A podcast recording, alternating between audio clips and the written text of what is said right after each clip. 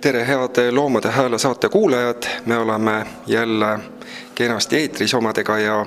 tuleme eetrisse siit Tallinnast Elujäänu kohvikust, mis asub Kotsepoe tänaval, tegemist on väga vahva vegan kohvikuga.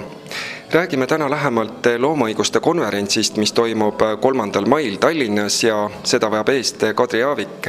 tere, Kadri! tere! Räägi natuke enda tausta ka, et ma tean, et sa oled Loomuse liige ja tegev ka Eesti Vegan Seltsis ja mujalgi. Jah, just, et ma olen ka Eesti Vegan Seltsis ja juhatuse liige seal, vabatahtlik, ja samuti ma siis tegelikult põhilise tegevusena mm, töötan ülikoolis, et ma olen Tallinna Ülikoolis sotsioloog ja veel taustalt soo-uurija samuti. Ja siis ma olen hetkel ka Helsingi Ülikoolis seotud ühe projektiga, äh, mis äh,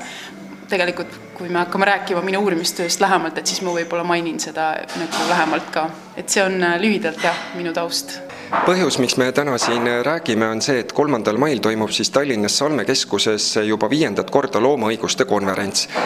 mis eesmärgiga seda konverentsi üldse korraldatakse? Tahaksime rääkida loomade olukorrast, kuidas inimesed loomi kohtlevad, ekspluateerivad ja siis inimeste, loomade vahelistest suhetest ühiskonnas nagu võimusuhetest mm, ja kriitiliselt siis rääkida sellest, et toome kokku uurijaid, akadeemikuid, inimesi, kes töötavad teaduses, ülikoolides ja teiselt poolt ka aktiviste ja kõiki, kes on huvitatud nendest teemadest, et ähm, lihtsalt tuua nagu rohkem esile äh, loomadega seotud teemad, et alati meil on ka olnud hea meediakajastus ja tegelikult need jõuavad ka ajakirjandusse ja mõned meie esinejad on ka eelnevatel aastatel andnud äh, Eesti meediale intervjuusid. et äh, läbi selle konverentsi me saame hoida neid teemasid ühiskonnas rohkem üleval ja, ja noh, lõppkokkuvõttes me tahame liikuda loomasõbralikuma ühiskonna poole, ma arvan, et see konverents aitab, et ta aitab meid hoida neid teemasid üleval ja tõstatada just sellel moel, et nagu kriitilise pilguga vaadata sellele olemasolevale olukorrale. aga kui seda põhjust veel mõelda, et milleks üldse on vajalik loomade õigustest rääkida ja kas seda tehakse piisavalt tänapäeval? Noh, äh, mina ütleks, et seni, kuni äh, me elame sellises ühiskonnas, mis toetub äh, massilisele loomade ekspluateerimisele ja niikaua, kui inimesed loomi söövad, siis on muidugi vaja rääkida, et meie tahaksime, et see olukord lõpeks, aga hetkel me oleme sellest üsna kaugel. Ja noh, kui küsida, et kas, kas räägitakse piisavalt, siis loomadest ikka räägitakse ju meedias ja nii, aga sageli siis need perspektiivid on teistsugused, et äh, räägitakse loomade heaolust või lemmikloomadest või noh, loomadest ka kui ressurssidest, et need on natukene teistsugused loomadest mõtlemise viisid. loomadest siis tulebki rääkida selliselt, et loomad on tundevõimelised olendid, äh, kellel on õigus äh, väärkohtlemise vabale elule ja vabadusele. et me tahamegi oma konverentsil nagu neid sõnumeid edastada kas nende küsimuste puhul on ka piisavalt kuulajaid ja kaasamõtlejaid? Jah, et meil on ikkagi mm, me ootame kuskil sadat inimest, nii palju see ruum mahutab ja meil on tavaliselt päris suur huvi olnud selle konverentsi vastu, et ähm, nii siis aktivistide hulgas ähm,, teadlaste hulgas, aga ka üldiselt nagu selliste huvitatud inimesed, kes on huvitatud, võib-olla mõned noored või kes on ise veganid, et on küll huvi olnud ja ka meedia huvi tegelikult on olnud päris suur, et me oleme saanud seda kajastust ja et, et selles mõttes ikkagi on nagu kaasamõtlejaid, aga lihtsalt see küsimus jah, et äh, noh, loomateema peale ikka inimesed mõtlevad ja paljud ütlevad, et nad on loomaarmastajad, et selles mõttes nagu on selle teemaga haakumine, aga ma just tahaks nagu tutvustada neid meie perspektiive lähemalt inimestele kui nüüd eelmiste aastate peale mõelda, siis milline on olnud see konverentsi tagasiside? Tegelikult äh, nüüd, äh, kui sa seda nii küsid, me ei ole tagasisidet niimoodi kogunud nagu kirjalikult ja nüüd võib-olla see tegelikult oleks hea mõte nagu koguda. Äh, et siis saaks paremini ehk planeerida järgmisi üritusi,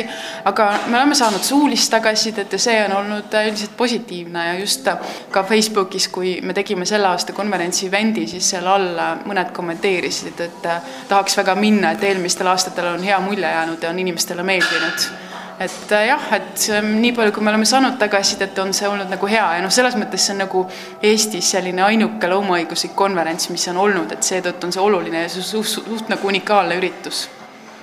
ja sel aastal on konverentsil ka oma teema, selline fookus. jah, et äh, selliseks läbivaks teemaks, selliseks väga üldiseks märksõnaks on muutus. võib öelda, et sellised uued teadmised äh, või teadmiste muutumine loomade kohta ja siis ka muutused inimeste ja loomade vahelistes suhetes, et noh, muutus ühesõnaga. Ja võib-olla ka mainin siis, kes esinema tulevad, et ähm, juba kolmandat korda tuleb äh, Elisa Aaltola, kes on äh, üks Soome filosoof ja ta on kirjutanud mitmeid raamatuid ja ta tegeleb siis just äh, selliste teemadega filosoofias, et kuidas siis me peaksime loomadesse suhtuma, et ta räägib siis sellel korral ähm, loomaeetikast, sellisest nagu emotsioonidest loomaeetika kontekstis, kui hästi lihtsustatult ja lühidalt kokku võtta. ja hästi põnev esineja on ka teine välisesineja, kelleks on Hollandi filosoof Floris van den Berg, ja tema siis räägib sellest, et kuidas jõuda veganühiskonnani, et ta on ise vegan ja ta on õppejõud ja filosoof. Ja siis on meil ka Eesti esinejad nagu iga aasta, et me just alati otsime neid ja me tahaksime, et äh, sellist nagu loomaõiguslikku teadustööd ja, ja selliseid tulemusi, et me saaksime eesti keeles ka sellest rääkida. et seekord on Egle Eerik, kes on Tartu Ülikooli lõpetanud filosoofia ja räägib siis ka kaastunde voorusest siis Silver Ratassepp, samuti Tartu Ülikoolist ja filosoof, tema ettekande pealkiri on, et kuidas, sulgudes mitte rääkida inimestest ja loomadest, ja on Kadri Taperson, kes räägib utilitarismist, ja siis on, noh, mina räägin, et mul on üks uurimus käsil, mis keskendub veganmeestele, et ma tutvustan seda. Ja siis on meil veel Marta Velgan, kes on perearst ja räägib tervisest.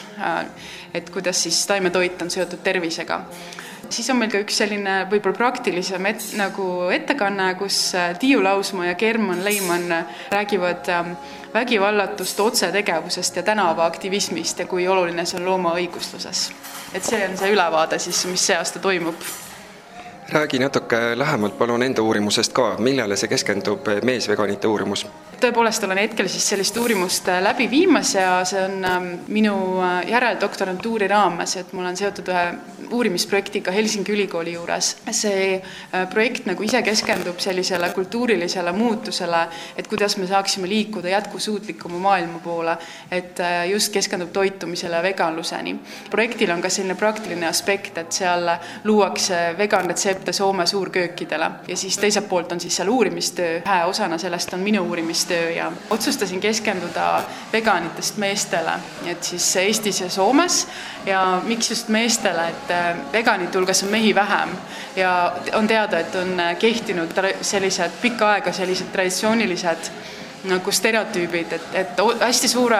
olulise osana nagu mehelikkusest või meheks olemisest on olnud liha söömine ja kõik see, et äh, see liha annab jõudu ja et mees peab olema tugev, et sellised stereotüübid. et see on väga huvitav vaadata, et äh, kuidas nagu veganitest mehed siis mõtestavad ümber neid stereotüüpe ja kuidas nad siis leiavad läbi veganluse selliseid uusi äh, ine-, nagu meheks olemise, inimeseks olemise viise. et see on mul nagu, nagu fookus sa oled veidi uurinud ka seda just, et mis on see motivatsioon veganiks hakkamise puhul meestel, millest see tuleb, see motivatsioon? jah, et ma tegelikult ütlen kindlasti, et uuring on, on nagu tegemisel pooleli, et ma kindlasti ei saa mingeid põhjapanevaid järeldusi teha, aga no üldiselt ma võin öelda, et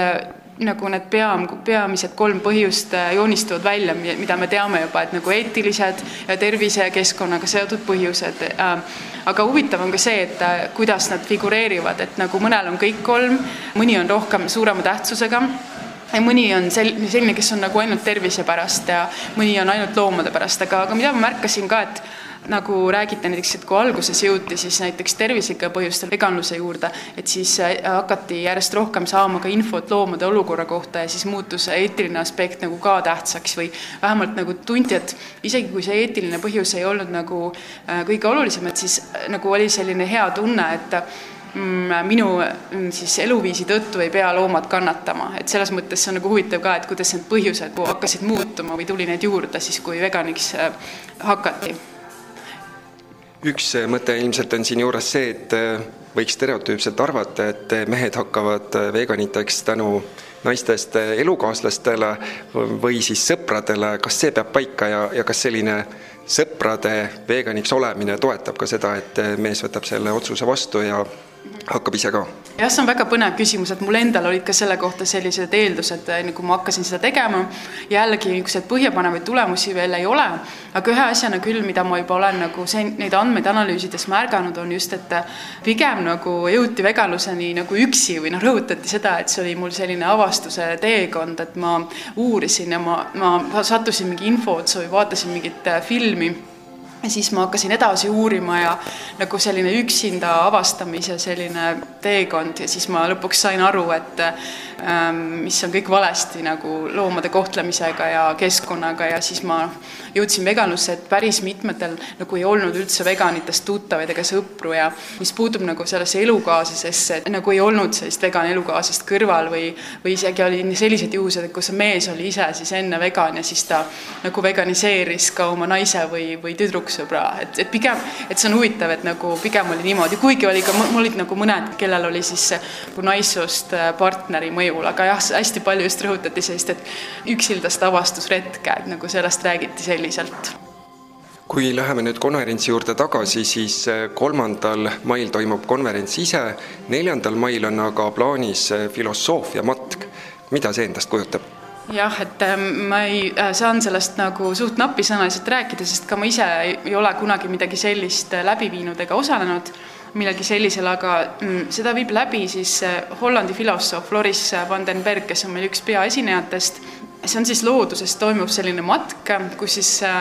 ühtlasi nagu sellisele matkamisega kaasneb selline ähm, noh, mm, mingite teemade üle arutlemine ja meil ei ole täpselt seda teemade sellist nimekirja, aga Floris äh, siis toob need teemad ja muidugi see on kindlasti sellel äh, konverentsil seotud siis loomadega ja loomade olukorraga, et räägime nendest teemadest ja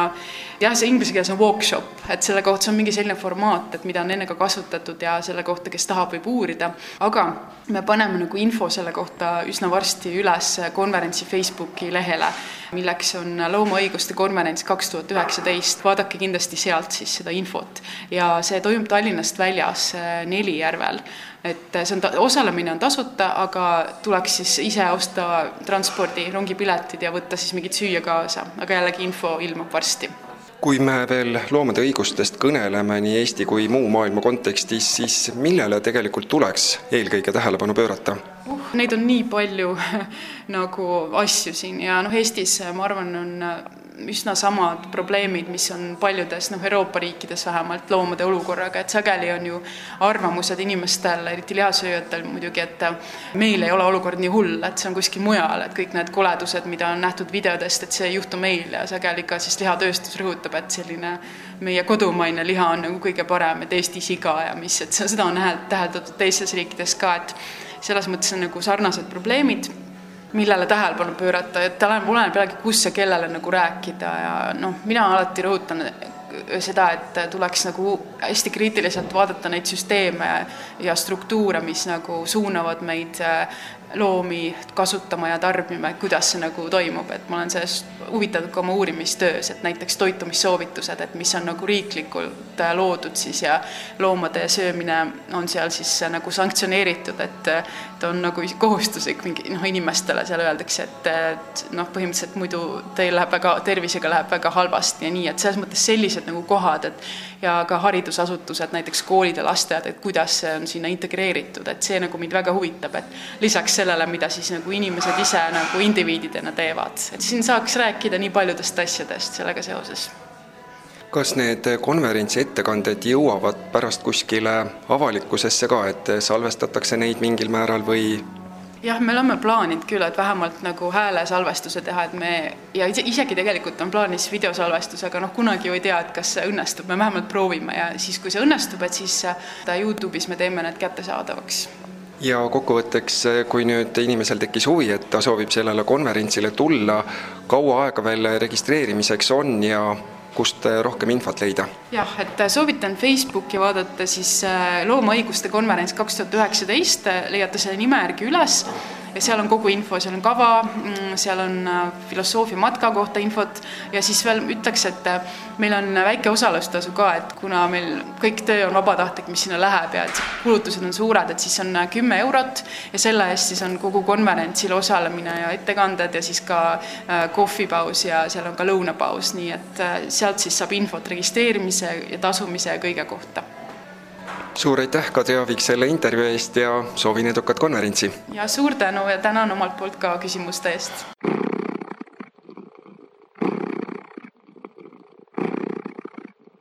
hea Loomade Hääle kuulaja, nüüd on ka sinu võimalus omapoolselt loomust toetada. mine kodulehele loomus.ee kaldkriips toeta ja vaata lähemalt, kuidas saad meile toeks olla. aitäh sulle ette!